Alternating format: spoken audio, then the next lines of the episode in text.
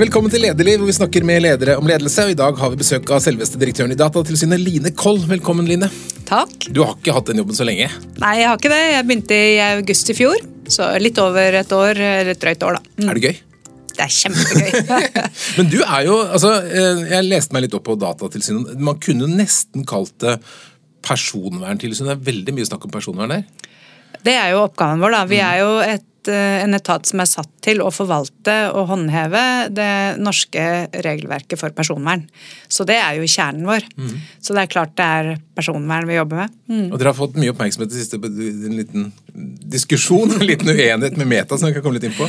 Men, ja. men jeg har lyst til å uh, Dette er jo uh, Vi har jo gjort en sånn omdømmemåling av offentlige virksomheter i sommer, Traction Offentlig, og der kommer Datatilsynet veldig høyt opp. 77 mm. poeng opp, opp mot veldig godt omdømme. Hva tror du er grunnen til at dere har et så godt omdømme i samfunnet? Vi hjelper jo folk, da. Og vi står og på en måte beskytter enkeltindivider. Det er jo liksom kjernen i personvernet. Personvern handler jo om dine og mine personopplysninger eller data. Og det vi da stiller krav til virksomheter, både offentlige og private virksomheter til, er jo hvordan de behandler opplysninger om pasienter, kunder, brukere Um, så vi står jo på en måte og beskytter de uh, som er enkeltindivider. Og da er det klart, det er jo de som også svarer på undersøkelsen deres. Og da er det, jo, det er litt sånn som at Lånekassen kommer godt ut også. De gir penger og gir folk muligheter, og vi er også en, liksom i samme samme sjanger, da, kan snill tenke virksomhet. Da. En snill virksomhet, ja. Vi tar ikke penger fra noen, og vi, vi, prøver å gjøre så godt vi kan med de ressursene vi har for mm. samfunnet og for borgerne. Og du må jo kunne si at du er en litt sånn personvernnerd, for du har jo jobbet med det hele karrieren. Altså, du har jo vært advokat, jobbet i Equinor, jobbet i Wiersholm, Norges Bank, uh, Investment Management, og du har vært sekretær for noe som heter Personvernkommisjonen, og jobbet med forsket litt sånn. Men hva er det med personvern som er så stas? ja, det er litt tilfeldig at jeg snubla borti det. Jeg ble Fikk tilbud om en uh, Vita-stilling på det som da het Institutt for rettsinformatikk uh, på Universitetet i Oslo da jeg var uh, jusstudent. Der var det en professor som het John Bing, som var leder. Ja. ja. Han var helt fantastisk. Veldig raus, veldig varm, veldig kunnskapsrik. Og det å liksom komme inn i, i folden i det, på det instituttet og begynne å jobbe med et fag da som mange der jobba med, og som jo vi i Norge var langt fremme på. Det syns jeg var veldig gøy. Og så får jeg jo også da, eller vi da, som jobber med personvern, teknologi er en stor del av det, så det syns jeg også var morsomt. Du må forstå litt av teknologien. Du trenger ikke å kunne kode og sånn nødvendigvis, men du må forstå og ha interesse for teknologien. Uh, for å kunne anvende jussen på det, og det mm, fikk jeg også til. Så det mm. ble gøy og ble morsomt. Og så har det bare blitt til at jeg har holdt på med det. Og jo jo mer man jobber med et fag, og jo flinkere man blir i det, kanskje, jo morsommere blir det.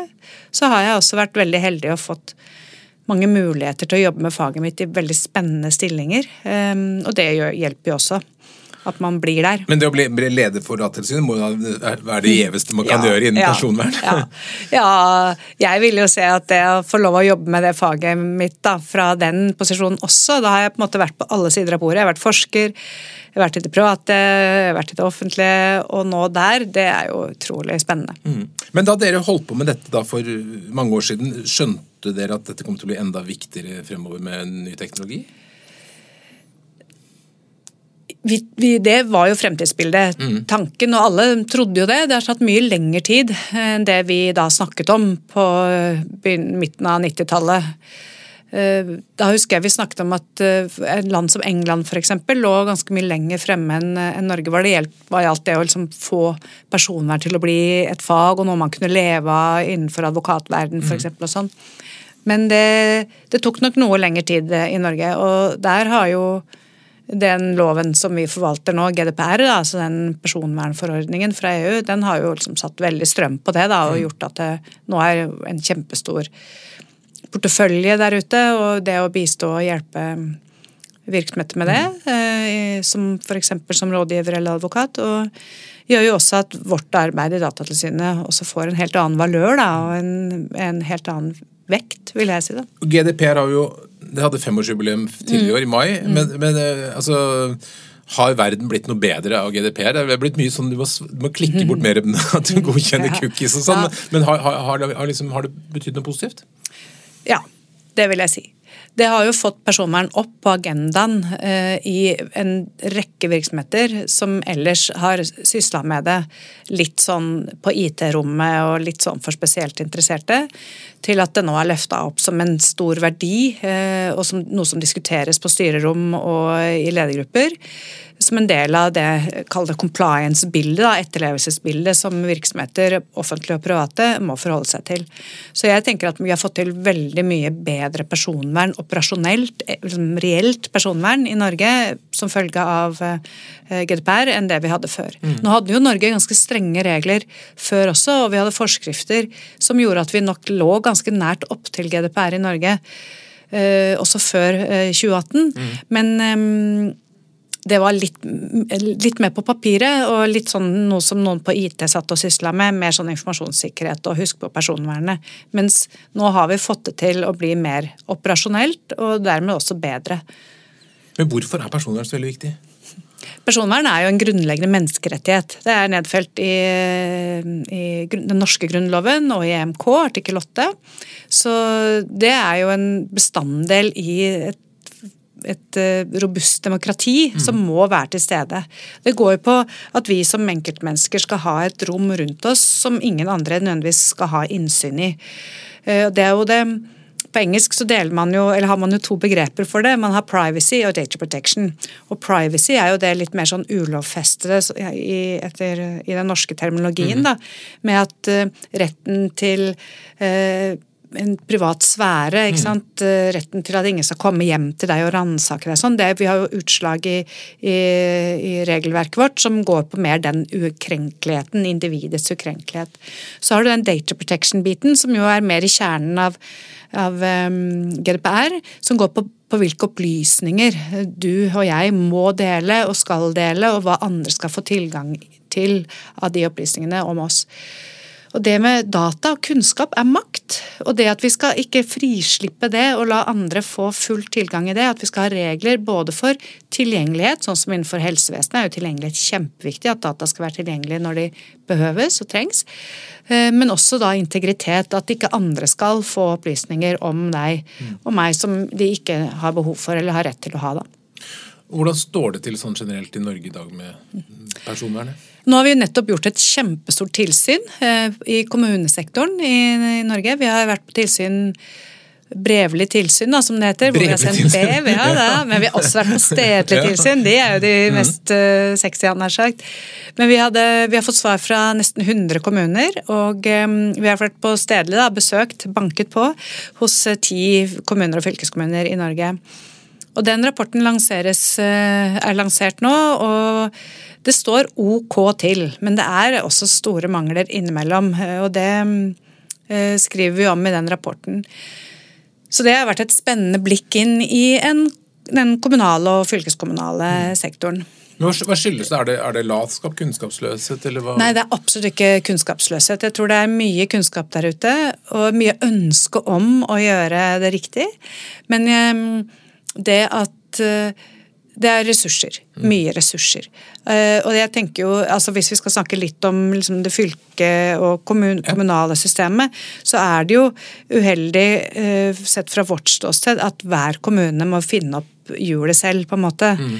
Og det at man skulle hatt noen felles løsninger og et organ som kunne hjelpe alle, og ikke bare at de måtte finne opp eh, det fra kommune til kommune, mm. det tror vi jo hadde vært en fordel. For det er krevende, det er ressurskrevende, og man må ha kompetanse på det.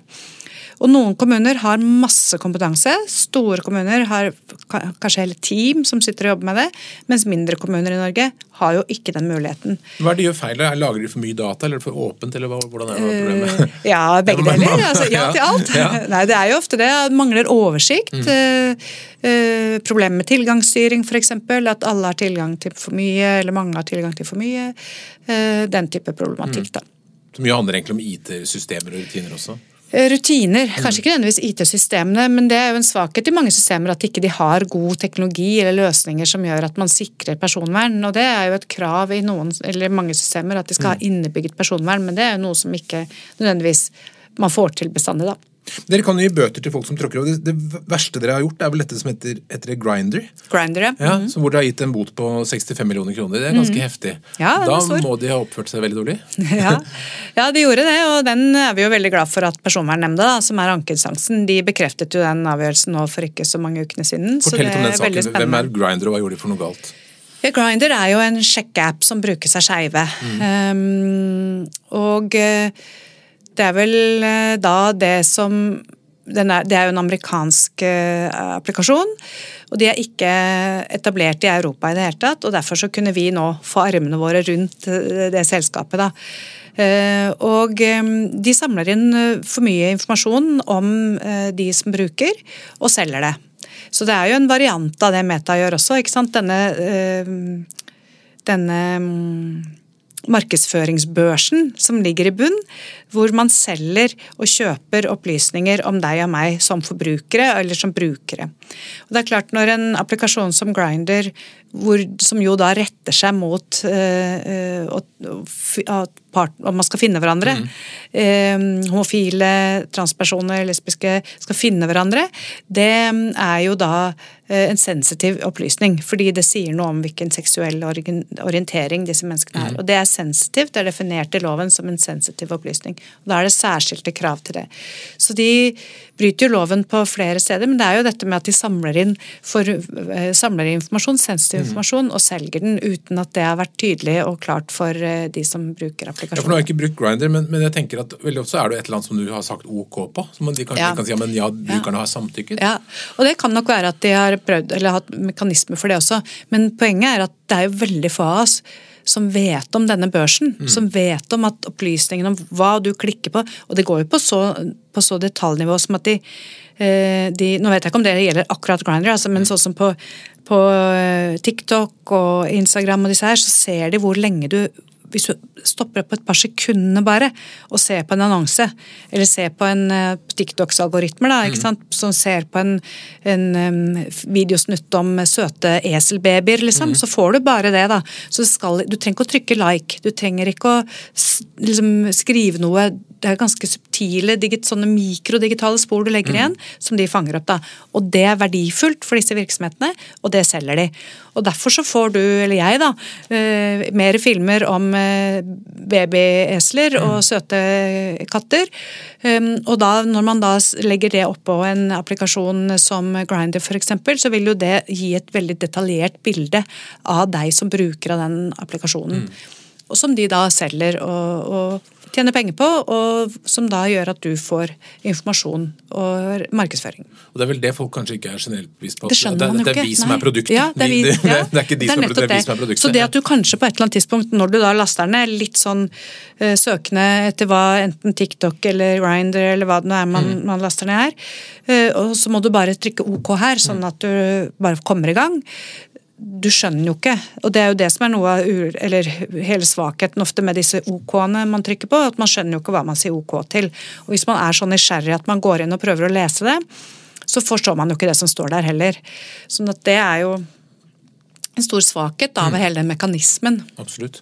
Og For å snakke om noe som er litt større enn Grinder, altså Meta, altså som driver Facebook og Instagram, der har jo dere en konflikt, eller litt uenighet. Pågående sak, vil jeg heller kalle det. Pågående sak heter juridisk sett. Og dere har gitt dem et forbud og, et gebyr. Mm. Hvorfor det? Ja, vi, et, vi ila de i sommer, 14. juli, et uh, midlertidig forbud mot å samle inn data til det som kalles for atferdsbasert markedsføring. Og Det mener vi at, er, at vi hadde lov til, fordi de, det de gjør er ulovlig. Og vi mente at det, hadde, det er en, dette er ganske komplisert, ja, ja, altså, men, men, det ligger en komplisert, det er en komplisert juridisk mekanisme med hvilket tilsyn i Europa som er ansvarlig for Metas virksomhet. og hvordan det nå da var håndtert i det europeiske systemet. Eh, det gikk for sakte. Det er slått fast at det er forbudt, og da gjorde vi det grepet at vi nedla dette midlertidige forbudet for innsamling av opplysninger til atferdsbasert markedsføring. Vi sa ikke stopp, vi sa ikke at de hadde, ikke kunne levere tjenestene sine, men akkurat det elementet sa vi at det har dere ikke lov til. Mm. Men de Så, hørte ikke på det? Nei, de hørte ikke på det. Og vi la de da en tvangsmulkt, heter det jo da, som en dagmulkt som løp um, hver dag eh, i de tre månedene. Dette var et midlertidig forbud, for det var alt vi hadde mulighet til. Million kroner om dagen i båt? Ja, Ja, ja, så så, det ble, jo, det ble jo litt, da. Og, og hvis, eh, hvis det Nå har vi jo eh, Kommer vi til å kreve inn det. Ja.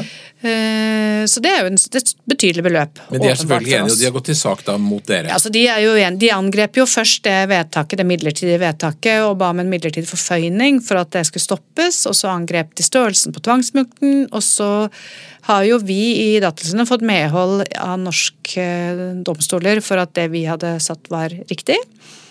Men så angriper de jo hovedkravet, da, så nå har de saksøkt oss. Eh, på en måte Kall det på vanlig, da. Eh, altså sånn, Ikke noe midlertidighet over det, men eh, nå går det angrep i selve saken.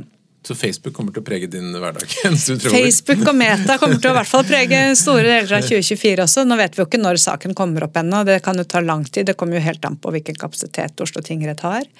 Så det får vi jo bare se. Men nå er det tilsvarsfrist eh, neste uke, så vi jobber jo selvsagt mye med det. Dette tar mye tid og ressurser for oss. Men det er jo en kjempe, kjempespennende sak, og veldig prinsipiell sak, som vi da Ja, syns vi har vært modige til å ta. For dette har blitt løftet videre til Europa fra Norge? Ja, ja. Så nå har jo resten av Europa fulgt etter. altså Det europeiske personvernrådet har jo da befestet eller bekreftet vårt forbud og sagt at det nå må det irske datatilsynet nedlegge det samme forbudet i hele, for Meta i hele Europa permanent. Så det er ikke noe midlertidig over det. Zuckerberg, er Zuckerberg er ikke veldig glad i Line Koll. Det, Nei, så nå blir det det, det irske datatilsynet da, som må ta det videre, for det er, de, det er i Irland men dere må være litt stolte av det? Som- Kjempestolt! Ja, ja. Jeg er veldig veldig stolt. Jeg er veldig stolt av at vi turte.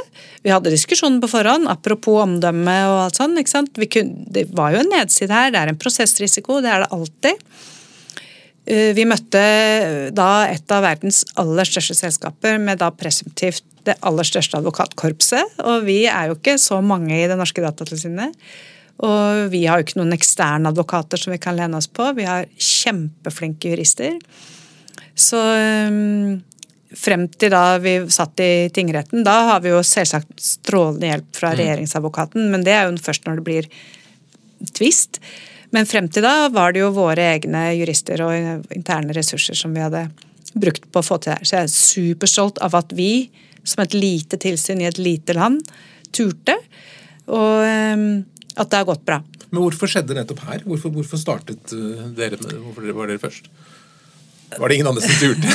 Jeg tror det er, nei, jeg tror det er øh, litt det. Ingen andre som turte. Og, og orka, kanskje, eller makta, på en måte. Det har jo vært en mediestorm uten like. Vi har runda verden, sier kommunikasjonsdirektøren min, og det er jo veldig gøy. Vi har vært i BBC, vi har vært i, på nyhetene i USA, vi har blitt intervjua på live, og vi er i New Delhi Times, så er vi jo dukka opp i. Altså, det er jo overalt. Så det har vært veldig krevende, selvsagt for kommunikasjonsavdelingen vår, men um, også veldig gøy. Men Så helt konkret, oppsiden det- har jo vært stor også. Hva er det dere ber uh, Facebook eller Meta om å gjøre? Å stoppe. Ja, Stoppe med hva? Behand, altså innsamling. Ja. Eh. De, um, ja, de samler jo inn, registrerer alt Mhm. Men noe data må man jo ha lov å samle inn om brukeren sin? Eller? Absolutt. Men Ja. det er den, det som kalles for atferdsbasert.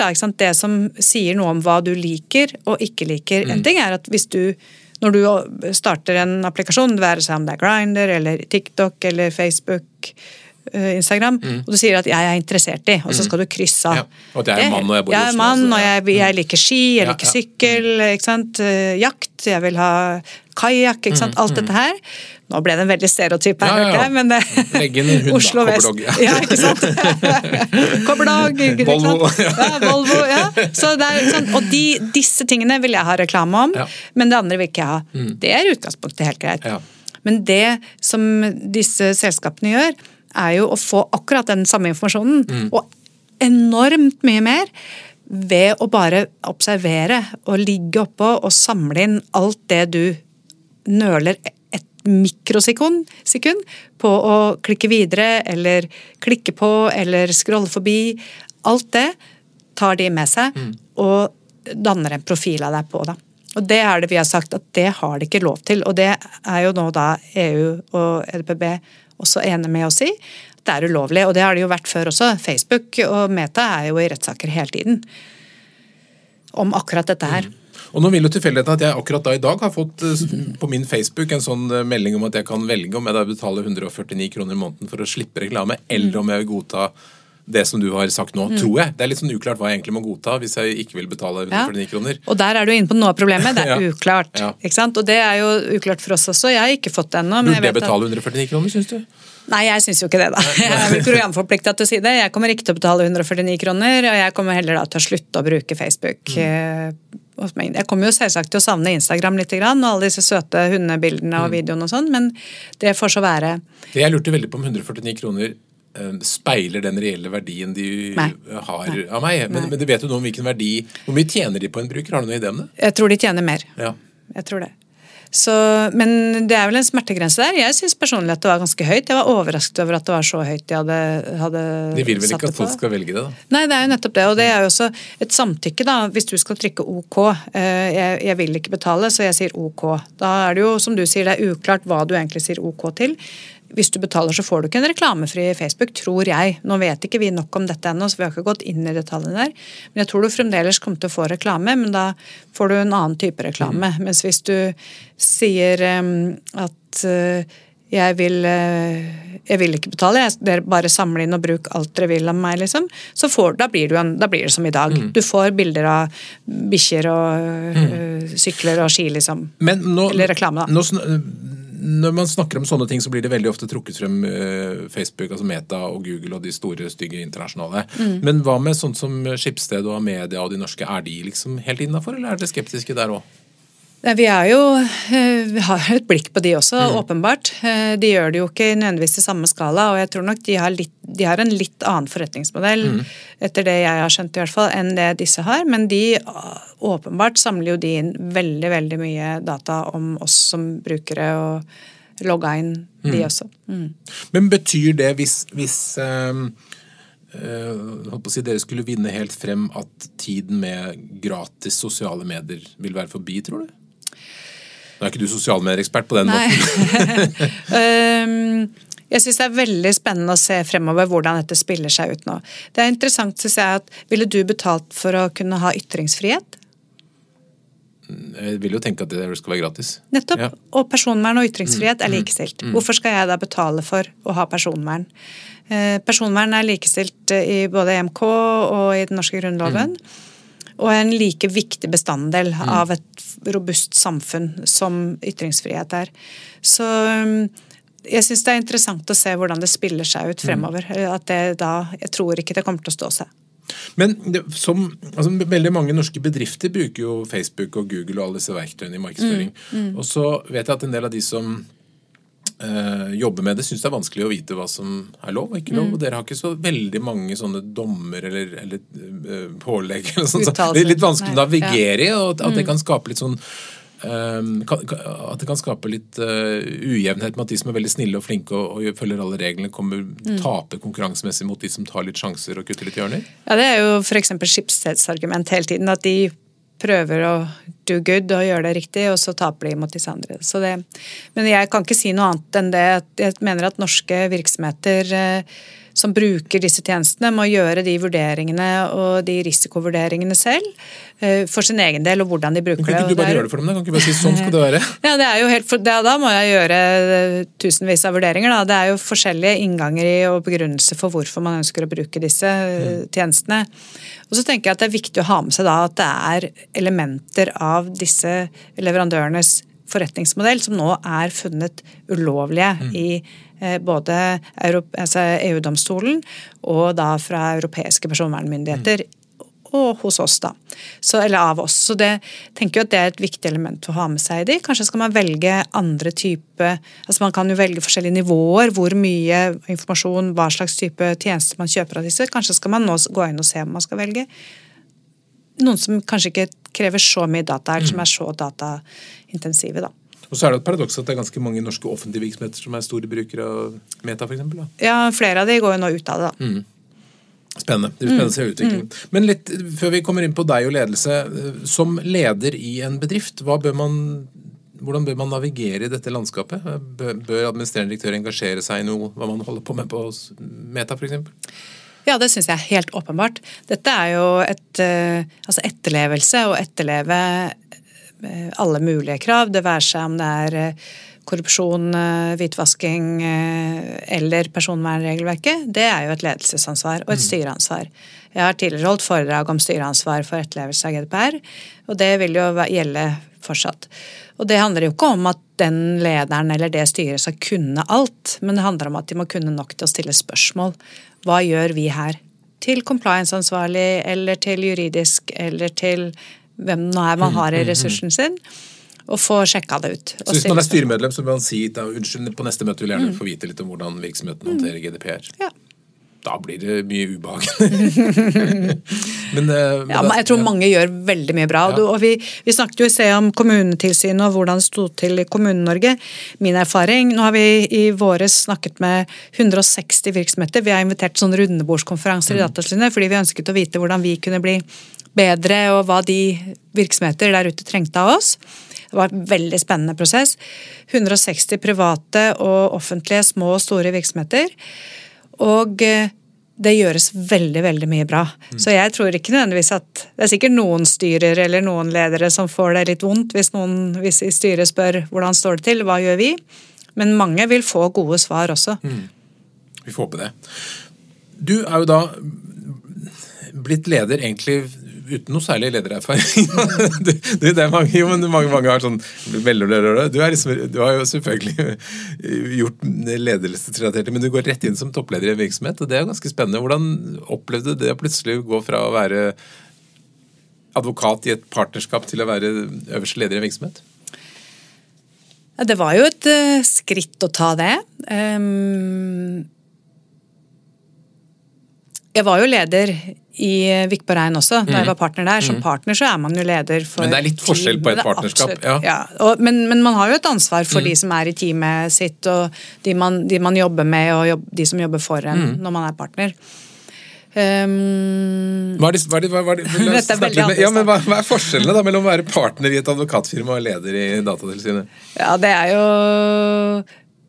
altså, Som partner i advokatfirma eller som i et konsulentfirma, det er jo veldig knyttet opp mot eh, klienter og leveranser utad. Mens eh, det å være leder i et tilsyn som Datatilsynet er jo mye mer og et større spekter. Både internt og eksternt. da.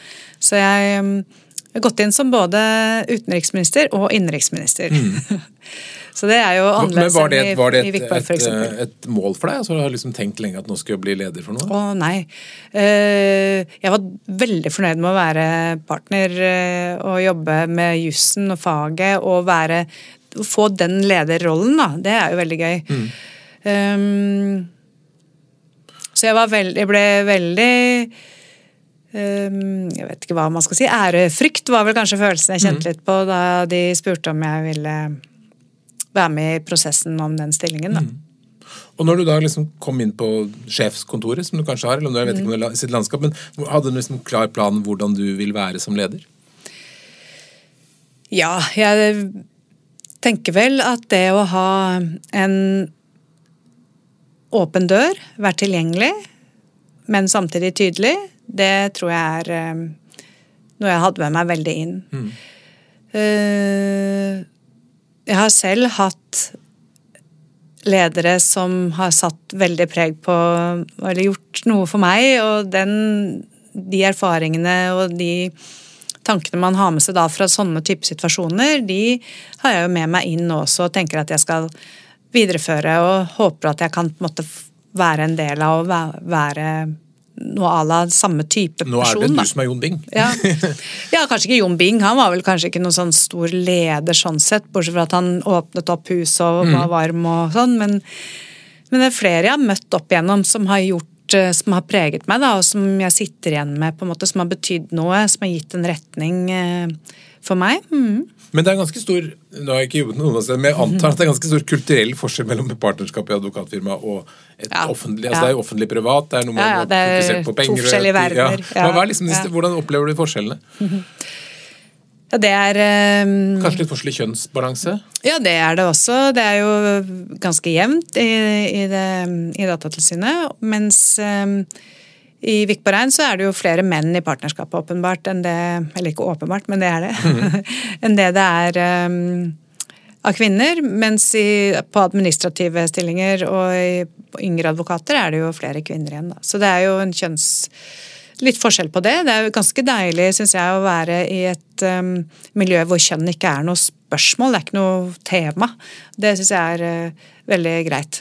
For det er jo et tema i advokatkontorene, for de sliter med å få den kvinnebalansen? ja, I hvert fall oppover ja, på, i høyere stillinger, stillinger, ja. mm. partnernivå, så, mm. de jo, så, sliter de jo mange i hvert fall med å beholde kvinnelige partnere. Hvorfor det, tror du? Det er et tøft miljø. Jeg vet ikke om kvinnene har um, andre bredere omsorgsforpliktelser, kan vi si det. Mm. mm. Uten å sette noen andre navn på det. Uh, enn det mange menn kanskje tar. Kanskje er det et generasjonsspørsmål, kanskje endrer etter seg over tid. Vet ikke. Nei, til å si, kanskje. Ja. Men, men, uh, du går jo da fra uh, å ha vært ve veldig holdt på å si fag, Du kunne jobbe veldig mye fag i, som advokat, mens nå må du jo kanskje lede mer og ikke mm. dykke så mye. Hvordan, hvordan opplever du den overgangen? Det syns jeg er veldig gøy. Mm. Og jeg føler jo at jeg fremdeles får, kommer liksom til orde og kan bruke fagkompetansen min. Det gjør jo at jeg føler meg veldig trygg inn i diskusjoner, inn i møter med, med forskjellige selskaper og virksomheter og, som har problemer, som ønsker å diskutere ting med oss. Eh, når jeg står og skal holde foredrag, så føler jeg meg jo relativt trygg på faget. Jeg har jo mm. jobba med det i snart 30 år, så det, det, det syns jeg er en veldig god ballast å ha med meg inn. Men det er klart, i det å, å lede og ta mer sånn tradisjonelle lederbeslutninger og lederroller, så hjelper jo ikke fagkompetansen min meg i det hele tatt. Så der uh, har jeg lest litt, og så lener jeg meg jo veldig på ledergruppa mi og de som er uh, rundt meg, og mm. spør. Så jeg har fått en mentor uh, i departementet som jeg kan ringe. Ja, er det bra? Veldig gøy. Ja. Veldig bra. Veldig flink. erfaren som jeg kan um, diskutere med. Mm. og og på en måte kalibrere med. Da. For det er jo litt sånn at jeg, siden jeg kommer fra det private og på den veldig ene enden av skalaen, så er det jo noen ganger greit å bli utfordra litt og si at ro deg ned, liksom. Mm. Dette er helt greit, sånn gjør vi det, og dette er manøvrer sånn og sånn. Så mm. det har vært veldig nyttig. Er det noen spesielle erfaringer du har hatt underveis med, med ledelse som liksom du føler har formet deg litt som hvordan du er som leder? Ja, jeg har um, hatt flere gode ledere som har gitt meg plass. Um, en partner som jeg jobbet med da jeg jobbet i Wiersholm, dytta meg ut og sa 'dette fikser du'. Um, veldig gøy. Og veldig Litt skummelt, det ja. Der og da, ja. Men uh, det å få rom, det å gi da andre rom, det er noe av det jeg har tatt med meg inn her også. Det er ikke viktig for meg å være den som er på Dagsnytt 18 eller som blir intervjua. Det er mye mer spennende og riktig av meg å løfte frem de som har hatt saken, mm. eller som er eksperter på det temaet som media ønsker å ta, for eksempel. Så det å gi rom og gi utfordringer, det syns jeg har vært eh, veldig formende for meg. Og det er noe jeg prøver å ta med meg inn igjen. Mm. Hva vil du med Datatilsynet? Skal du forandre noe i den tiden du er der? ja, jeg håper jo det. Altså. Men altså, Datatilsynet har utrolig mye bra. Den bunnplanken i Datatilsynet er veldig solid. Og det er noe med den Det er jo veldig annerledes fra det private, for her er det jo Altså Man kan godt ha passion for virksomheten sin i det private også, men jeg tror mange unge konsulenter eller unge advokatfullmekter som kommer inn, har kanskje ikke nødvendigvis den passion for faget sitt. Det er ikke kanskje derfor de går inn i disse konsulentfirmaene eller advokatfirmaene. Mens de som, mange av de som er hos oss, ikke alle, men mange av de, har litt passion for det. Og det er en driv som jeg syns mm. har stor verdi, da, og som, gjør, som former oss som, som, virksomhet og er med en stor, viktig verdi i virksomheten vår. Da. Og det syns jeg er um, viktig å foredle og, og, bare forsterke videre. Er personvern noe som mange unge jurister for eksempel, har lyst til å satse på? Har de bra tilfang av folk? Ja, veldig. Jeg har mange mange bra søkere på de stillingene som er ute. Og så er vi jo også en litt sånn um, rugekasse. Mm. fordi vi, vel, vi, ser jo at unge, hos, eh, unge jurister hos oss og teknologer blir plukka til andre virksomheter. Det går vel advokatfirma, så kan de jobbe ja, ja. for Meta. ja, ikke sant? Ja. Så møter vi, vi med retten. Møter, møter, vi de på andre siden om et års tid? Nei da, vi håper jo ikke det, da. Men det er, vi ser jo at de er, på, altså er attraktive på arbeidsmarkedet, mm. de som har vært hos oss eh, og jobba med spennende saker og spennende jus. Og den, dette området, fagområdet, både den teknologiske siden av det og den juridiske, blir jo bare viktigere og viktigere fremover. Mm. Nå er vi jo så heldige at vi har fått et ny digitaliseringsminister og et, eh, snart da et um, departement. Så jeg tenker jo at dette kommer til å bli bare større og større. Du klarer ikke å digitalisere Norge uten å ha med deg personvern inn i de vurderingene og løsningene man skal velge. Mm. Så jeg tenker at vi, Datatilsynet kunne vært dobbelt så mange, og vi kommer til å ha veldig attraktive arbeids, ansatte ute på arbeidsmarkedet. Mm. Og det bør være mange flere som jobber med i skjæringspunktet teknologi og juss. Mm. Nå er det jo eh, kunstig intelligens som står på agendaen alle steder. Vet du noe om hvordan det altså, Ligger det noen personvernutfordringer i, i KI, eller blir det det samme? Ja. grei ut. ja, grei ut. Altså KI, altså kunstig intelligens, det er jo algoritmer. Og de lever av personopplysninger. Eller de lever av, av data, gjør det da, ikke sant? Mm. Data. Men veldig mye av de dataene er personopplysninger. Definisjonen av personopplysninger er veldig vid. Det er enhver form for data, eh, et dataelement som kan knyttes til deg eller meg som enkeltperson, direkte eller indirekte. Så en IP-adresse f.eks. er en personopplysning. Og det at din bruker på LinkedIn eller, eller, TikTok eller hva det er, knyttes til denne scrollingen på uh, kajakker mm, eller uh, labradoodles, liksom, mm. den er, uh, det er en personopplysning. Sånn at uh, Definisjonen er veldig vid, omfatter veldig mye. og Det er det kunstig intelligens lever av. For mm. å skape god kunstig intelligens så må du ha mye mye data. Så åpenbart så er jo personvern essensielt. Det er jo helt i kjernen av både det å utvikle og skape systemet for kunstig intelligens, men også det å bruke det. Så det at et firma ønsker å bruke og ta i bruk kunstig intelligens, så ligger det jo også personvernproblematikk mm. inne. Men det er kanskje litt teknisk, men for eksempel, Mange bruker jo chat-GPT til mange fine ting. Det å laste opp et dokument der som, som inneholder noe informasjon om personer, mm. da, og for å få det penere skrevet eller oversatt, mm. eller sånn, mm. er det innafor, eller er man i grenseland da, som personvernmessig? Ja. ja, nå har ikke jeg lest vilkårene Nei. til chat-GPT, men jeg vet jo at mange av denne, disse oversettertjeneste f.eks. jo da vil uh, ha i vilkårene sine at de bruker opplysningene som lastes opp, nettopp til å trene systemet videre. Så da betyr det at hvis du hadde lastet opp et dokument som f.eks. En, en helsejournal mm. om meg, uh, og ønsket å få den oversatt eller bare forklart mm. med bedre språk, mm. eller sånt, så ville jo da den applikasjonen kunne Nå sier jeg ikke at det gjelder alle, Nei. men no, noen vil jo da kunne si at det gjør det. Men si at er ganske mer vanlig, så, mm. så, det kan være personbrudd på personvernregler, rett og slett. Og samme, ja. Uansett, nesten. Du verden, her blir det litt å pusle, litt, ja, ja. litt å pusle med. Altså, vi oppfordrer jo alle til å ha retningslinjer for bruk av uh, den type tjenester mm. i egen virksomhet. Da. Og du kan jo tenke deg, Én ting er personvern, men det er jo også bedriftshemmeligheter og mm. klientinformasjon, pasientinformasjon, så det er jo mye. Fins det noe malverk? Byr dere på noe malverk på sånne retningslinjer? Nei, ikke ennå har vi det forklart det. Det ønsker jeg meg. Ja. ta, ta det med til, til, til, til, listen. Nå slåss du med Meta, og så har du sett litt på kommuner og fylker. Er det andre ting som står på agendaen, og andre områder som du tenker at dere er nødt til å se på i de kommende årene? Vi har en ny strategi nå som vi har jobbet frem, eh, og der er det jo kunstig intelligens åpenbart som ligger på. Og de store teknologiselskapene har vi jo liksom allerede tatt tak i, som du sier. Eh, og så har vi et særskilt fokus på barn og unge. Mm. Og det er jo en gruppe som vi har jobbet med i mange år, eller jobbet liksom for å, å løfte frem og sikre rettighetene til.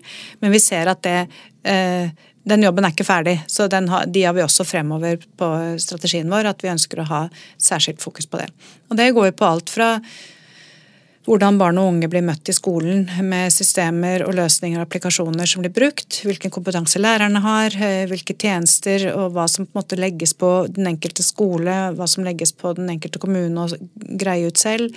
Vi må prøve å få til dette bedre, mm. sånn at alle i Norge får et bedre vern av barn og unge enn det de har i dag. Og at det ikke er noen forskjeller. Det er ikke noen forskjell på om du bor i Oslo kommune med store ressurser, eller om du bor i en kommune langt utafor som ikke har ressurser i det hele tatt. Så det mm, er et viktig, viktig spor for oss også. Det høres ikke ut som du blir arbeidsløs på en stund?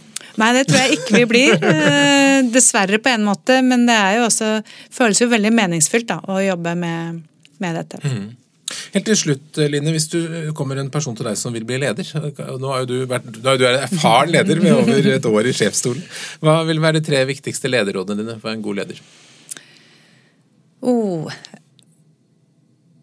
jeg tror på åpenhet og tilgjengelighet. Eh, det å være tilgjengelig for eh, de du skal lede. Eh, både for oppturer og nedturer og samtaler. Jeg tror jeg på ydmykhet. Det å være lydhør for hvordan du som leder fungerer og hvordan du er for de. Ja, siste, kanskje i hvert fall det jeg hadde med meg inn, var jo at jeg måtte være meg selv. På, Må by på meg selv litt. Eh, og er åpen og tydelig på hva jeg står for og er, mm. er liksom. Så det tror jeg også er en viktig ting å gå inn med, og ikke prøve å være noen andre eller å bli noen andre eller være som noen andre. Det mm. tror jeg er og siden du er deg, skal du få lov å legge på ett råd til angående personvern. Hva vil være et personvernråd til alle ledere? Ja, Til alle ledere, det er jo da å stille spørsmål. Vær oppdatert på det. Du trenger ikke å kunne alt selv, men uh, sørg for at du har enten knyttet til eksterne ressurser, eller at du har interne ressurser hos deg selv som kan noe om det, og som kan svare når du spør, eller når uh, styreformannen din spør. Og så skal man helst da kunne dokumentere at man har gjort Dok en vurdering. Ja, ja det, er også, det var takk for den. Dokumentasjon, dokumentasjon, dokumentasjon. Ja. Det er jo den røde tråden i alt etterlevelsesarbeid. Hvis ikke du kan dokumentere at du har gjort det, så har det jo ikke skjedd. Så man skal skrive ned på, i styremøtereferatet at man har diskutert personvern? i protokoller. Mm. Ja, at det er tatt opp, at man har hatt opplæring, ja. at man har hatt uh, awareness training, at man har utfordret på ting i styret, men også det viktigste Man er jo ikke sterkere enn det svakeste leddet sitt. sånn at det å sørge for at de ansatte kan det. Det hjelper jo ikke at, eh, at det er noen dokumenter i en eller annen folder eh, på en F-disk, liksom. Det er jo viktig at de ansatte operasjonelt og faktisk følger det. Og da må de ha opplæring. Så det er uh, mye Høres ut som noen av noen hver har noe å ta tak i. Line Kold, tusen takk for at du kom til Lederliv. Takk for at jeg fikk komme.